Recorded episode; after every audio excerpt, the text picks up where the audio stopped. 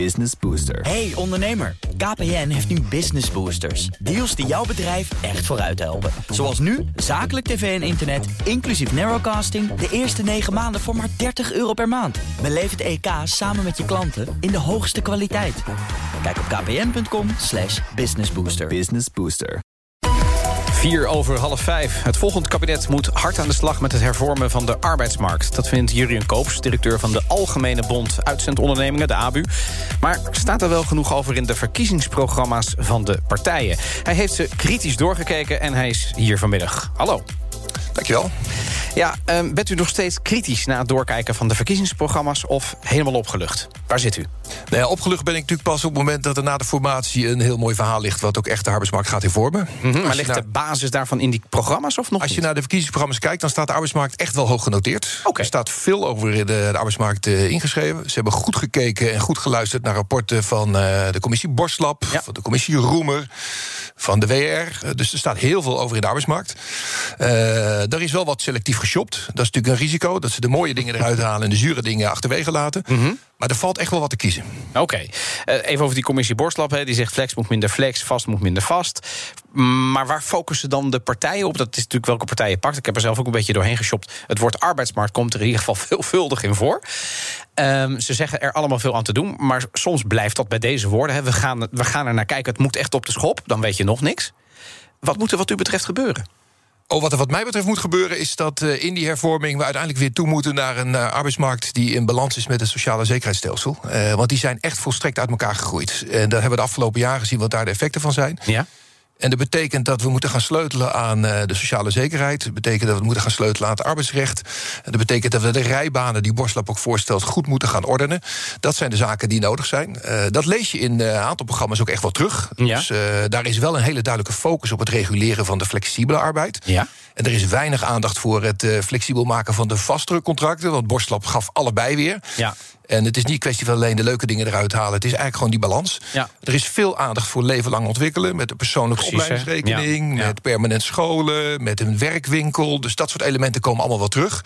De kunst wordt om er straks ook echt een samenhangend pakket van te maken. op het moment dat ze bij elkaar gaan zitten. Ja, want als u even door uw. Uh oogharen heen kijkt. De stip op. De, wat is nou de ideale wereld als u het toverstafje zou hebben? Hoe gaat vast, flex en ZZP met elkaar in verband staan? Nou, we moeten beginnen met, denk ik, te accepteren dat onze arbeidsmarkt heel divers geworden is. Hij Ja. is echt niet meer wat hij in de jaren 50 of 60 was. Die is heel divers geworden. Ja, maar dat weten we dan wel. Mensen toch? willen op allerlei verschillende manieren werken. Ja. Wat het probleem is, is dat we aan dat contract allerlei zekerheden gekoppeld hebben. die we eigenlijk los zouden moeten koppelen van dat contract. Die zou je eigenlijk, ongeacht op wat voor manier je werkt in Nederland. Ja. of je nou zelfstandiger bent, of je bent uitzendkracht, of je hebt een vast contract. dan zou je over eenzelfde set aan basiszekerheden moeten kunnen beschikken. Dat maakt het ook veel makkelijker dat je van de ene contract naar het andere contract switcht. Want mensen gaan vaak ook de eerste tien jaar misschien gewoon in loondienst. Daarna gaan ze een tijdje als zelfstandige. De laatste periode van hun leven misschien wel als uitzendkracht. Die zekerheden zou je moeten loskoppelen. Dat maakt mensen ook veel makkelijker om te bewegen. Maar noemen ze een van die zekerheden. Waar, eh, waar- Op het moment dat je ziek wordt, Oké. eh, op het moment dat je nu ziek wordt, Ja. is het als geval op het moment dat je zelfstandiger bent, is daar niks voor geregeld. Ja, daar wordt nu gedaan gedacht over een verzekering daarvoor. Ja, klopt. Maar je zou veel beter het stelsel kunnen hervormen, zodat je zegt er is één basisregeling die dekt dat risico voor ziekte. Wil je meer? En dat geldt zowel voor de ZZP'er als voor de flex als voor de vaste. Exact, maar op het moment dat je daar meer in wil dan die basisregeling, dan kun je dat aanvullend regelen. Dat kan je eventueel via de CO, dat kan je via je, je eigen regelingen doen. Maar zo'n basisregeling zou enorm helpen. Dat is eigenlijk ook wat Borslap voorschrijft. Ja. Dat maakt ook dat je veel minder het werk organiseert naar de aard van het contract, maar naar datgene wat mensen graag willen. Die willen namelijk zelf bepalen op welke manier ze willen werken. En die kiezen ook steeds vaker voor allerlei hybride vormen. Dus die zijn een deel in loondienst en een deel misschien wel eh, als zelfstandige. Ga dan je pensioen maar eens regelen. Dat is best ingewikkeld. Ja, Dus zeker. ook dat zou je veel losser kunnen trekken van het contract. Eh, dus dat is een basisregel. Dat zijn dus die zekerheden, die sociale zekerheden... die we nu op een bepaalde manier georganiseerd hebben. Waarvan u zegt, nou, als je die arbeidsmarkt op de schop doet... als je ZZP, flex en vast gaat aanpakken... dan moet je tegelijkertijd eigenlijk parallel daaraan... ook die sociale zekerheden aanpakken. Ja, en dat betekent tegelijkertijd dat je ook daarmee, en dat klinkt eh, als een mooi woord, maar dat je de balans tussen flexibiliteit en zekerheid ook eigenlijk herstelt. Want nu zijn een aantal flexibele contracten veel te flexibel geworden. Ja. En daar hebben wij in de branche ook mee van doen. Eh, Dus ook wij willen daar binnen de uitzendbranche de zaak opschonen. Maar dat geldt eigenlijk veel breder. En die balans breng je dan opnieuw aan. En dat is een belangrijk onderdeel wat wij in ieder geval in, de, eh, in een kabinet terug willen zien. Maar het is juist mooi ook dat er verschillen zijn tussen vast en flex. die mogen toch bestaan. Want je zou zeggen, eh, Flex heeft bijvoorbeeld als voordeel dat je eigen baas bent. Je hoeft nooit meer een functioneringsgesprek te voeren. Dat kan heel bevrijdend zijn. En je kunt ook veel meer gaan verdienen. Je kunt veel meer vragen, want jij bent de flexibele kracht. Ja, en eh, kijk, zolang de vrijheid van beide partijen daarin centraal staat, zowel van de opdrachtgever als van de werkgever, als de man of vrouw die daar als zelfstandige of eh, in loondienst komt te werken, die vrijheid moet centraal staan. Dus mensen moeten zelf de keuze kunnen maken. Dat kan nu niet. Want op het moment dat je als zelfstandige aan het werk gaat, moet je nu nog steeds vaststellen dat je niet in loondienst bent. Dat is heel raar. Volgens mij is de eis gewoon: ik ben in loondienst en dan voldoe ik aan die criteria. Ik ben zelfstandige, dan voldoe ik aan die criteria. Maar zodra die vrijheid onder druk komt te staan en mensen in een bepaalde rijbaan gedwongen worden of mensen om bepaalde kostenmotieven in een bepaalde rijbaan gedwongen worden, dan wordt de arbeidsmarkt wel uit balans. Dat is eigenlijk wat de afgelopen jaar gebeurd is. Omdat er ook, tweede onderdeel van de hervorming die je zou moeten op laten plaatsvinden, is dat in de fiscaliteit het nu in een aantal gevallen veel voordeliger is om als zelfstandige te gaan werken. Ja. Zeker aan de basis van de arbeidsmarkt. Dat creëert ook weer die vrijheid. Ik bedoel, ik, ik zie hoe de mensen hier eh, in de stad rondfietsen om hun uh, bezorgd te krijgen. Maar tegelijkertijd zitten daar ook risico's aan. En die risico's. dat hebben we gezien, maar het was natuurlijk geïmplementeerd in tijd juist om flexwerk te stimuleren. Dat was succesvol.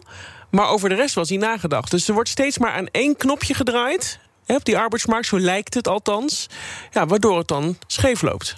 Ja, er worden pleisters geplakt. En er wordt niet echt een arbeidsmarkt hervormd. En uh, wat onze belangrijkste zorg is in de richting van de politiek... is dat er geen samenhangend verhaal uitkomt. Dus dat het inderdaad cherrypicking wordt. Ja. Dat ze de bepaalde onderdelen eruit halen, de focus op flex leggen. En dan krijg je toch een waterbed. Wilt u nu exact hetzelfde als de commissie Borslap? Nee, wij willen niet exact hetzelfde als de commissie Borslap. Want de commissie Borslap zit op de route... er is eigenlijk één hoofdrijbaan. Mm -hmm. En dat is het vaste contract. Ja. En de twee andere daarvan zijn meer ventweggetjes... dan dat er serieuze rijbanen zijn. Dus u cherrypikt ook een beetje? Nee, wij, ja, dat is net hoe je het wil noemen. Wij maken het wat ons betreft wat evenwichtiger. Maar, maar het is wel lastig als, straks al die partijen bij elkaar moeten komen... en iedereen cherrypikt en nu ook. Ja, waar, waar komen we dan? Nou, ik ben zo bang dat we straks uitkomen bij een arbeidsmarkt... waar iedereen eigenlijk een beetje ontevreden over is. Ja, dat is Zo'n polderoplossing. Dat is, dat is de huidige situatie ook. Uh, volgens mij kent de huidige situatie juist... Uh, dat is ook de reden waarom die hervorming er moet komen... dat er mensen zijn die buitenspel staan, die helemaal niet meedoen... of dat mensen allerlei risico's uh, aan hun contract hebben hangen. dus dat is er eigenlijk nu ook. ja, en het zal altijd een kwestie zijn van een beetje geven en nemen... maar die samenhang is wel belangrijk. Ja, maar als we gaan kijken naar de partijen... Hè, wat, die, wat die dan zeggen, als we, als we nu naar de coronacrisis kijken... dat die vooral duidelijk heeft gemaakt dat die tweedeling tussen beschermde, vaste en wat, wat kwetsbare, eh, flexibele uh, arbeidskrachten, dat die, die, die onbeschermd zijn, waardoor bijvoorbeeld armoede op de loer ligt, dat is evident. Volgens mij hebben politieke partijen, in ieder geval in die, in die vijf verkiezingsprogramma's die ik van wat grote partijen heb gescand, daar zeggen ze allemaal wel iets over. Klopt. En uh, kijk, dat, legt, dat leggen ze ook echt op een vergrootglas. Dus in die zin staat Flex echt wel heel prominent in al die, uh, in al die verkiezingsprogramma's. Uh, de zorg is natuurlijk dat als je alleen de Flex reguleert, je werk veel duurder maakt. En over het algemeen krijg je er dan minder van in plaats van meer. Terwijl we tegelijkertijd ook het probleem hebben dat er anderhalf miljoen mensen langs de kant staan. We hebben meerdere problemen die we op moeten lossen. Er doen heel veel mensen niet mee. Precies. Die we graag mee willen laten doen. We moeten tegelijkertijd het verdienvermogen van onze economie op peil houden. Want we krijgen een krimpende beroepsbevolking. Ja. Dus we moeten ook mensen van buiten gaan halen. Ja, daar gaan we het over hebben. Um, uh, je luistert naar In de Middag. We zijn in gesprek met Jurien Koops, de directeur van de Algemene Bond Uitzendondernemingen, de ABU. En u riep in het NRC dat arbeidsmigratie belangrijker moet zijn. Um, en u noemde volgens mij net al een belangrijke beweegreden waarom. He, die beroepsbevolking, die belangrijke mensen die het allemaal verdienen in dit land, die krimpt vanaf, nou ja, eigenlijk ongeveer dit jaar zo'n beetje. Um, en is, arbeids, is uh, arbeidsmigratie daar deels een oplossing voor? Ja, ook. Het is niet de enige oplossing, maar nee, het is ook een oplossing. En kijk, uiteindelijk zijn er uh, twee methoden om onze economische groei en daarmee onze welvaart op peil te houden. Ja. Dat is, dat is als we met z'n allen slimmer gaan werken. Dat betekent investeren in skills en opleiden en daarmee mm -hmm. zorgen dat je je productiviteit op, opschroeft. De andere route is toch gewoon meer mensen om het werk te laten verrichten. Ja. En dat laatste gaan we nu meemaken voor het eerst in eeuwen dat de beroepsvolking gaat krimpen. Ja. Dat betekent dus dat je alle mensen nodig hebt. Te beginnen bij de mensen die in Nederland aan de kant staan. Ja. Er staan er anderhalf miljoen mensen langs de kant. Maar er zijn ook op dit moment ruim 700.000 arbeidsmigranten aan het werk. Zeker. Zeker in sectoren als agrarisch, volgens mij de grootste sector. Maar als je gaat kijken naar al die warehouses. Logistiek, logistiek hè, morgen, van de industrie. Die slee die we, morgen, die we vanmorgen hebben besteld, die wordt waarschijnlijk nu of vannacht ingepakt door een arbeidsmigrant. Dat is vaak het geval in die warehouses. En dat gaat natuurlijk als de bevolking, de beroepsbevolking krimpt, alleen nog maar meer zo zijn. Dat gaat alleen maar meer worden. En tegelijkertijd gaan we te maken krijgen met ook bevolkingskrimp in Oost-Europa. Dat betekent dat het steeds minder mensen vanuit Oost-Europa deze kant op gaan komen. En tegelijkertijd hebben ook te maken met het feit, dat was mijn oproep in het interview ook, dat we de bejegening en de behandeling in Nederland van arbeidsmigranten niet altijd goed is. En uh, dat betekent dat ze op een gegeven moment ook andere landen gaan kiezen. Liever naar Scandinavië, naar Duitsland, dan dat ze naar Nederland komen. Ja. Dat doen we onszelf echt een hele slechte verdienste. En uh, ja, dat alles maakt bij elkaar, als je dan naar de politieke programma's kijkt, waarin ze echt heel beschermend zijn op de grenzen, uh, maakt het eigenlijk gewoon uh, niet goed. Ja, maar dat zijn het, vooral de rechtse partijen. Dat zijn de partijen die, nou ja, de meeste hebben het nu voor het zeggen: VVD, CDA. Um, die willen ook niet voor, hè, die, die, zijn niet voornemens om vooral heel veel arbeidsmigranten naar binnen te halen. Maar die zijn wel voor een hele sterke economie. Wat zou u tegen hen willen zeggen? Ja, een sterke economie heeft een sterke beroepsbevolking nodig. En een sterke beroepsbevolking, daar hebben we ook mensen van buiten voor nodig. En ik zou ook de oproep willen doen om uh, de grenzen die we hebben... daar echt zo open mogelijk te houden. Dus geen belemmeringen op het vrij verkeer van werknemers. En ik zou eigenlijk nog een stap verder willen gaan. Ook gaan kijken of we mensen van buiten de EU naar Nederland kunnen halen. Want die gaan we gewoon nodig hebben. Onze oosterburen die zijn daar al mee bezig. Die hebben een nog sterker krimpende beroepsbevolking. Angela Merkel heeft heel goed door wat dat betekent. En die zijn begonnen om ook mensen van buiten Europa... onder voorwaarden ook naar Duitsland te halen.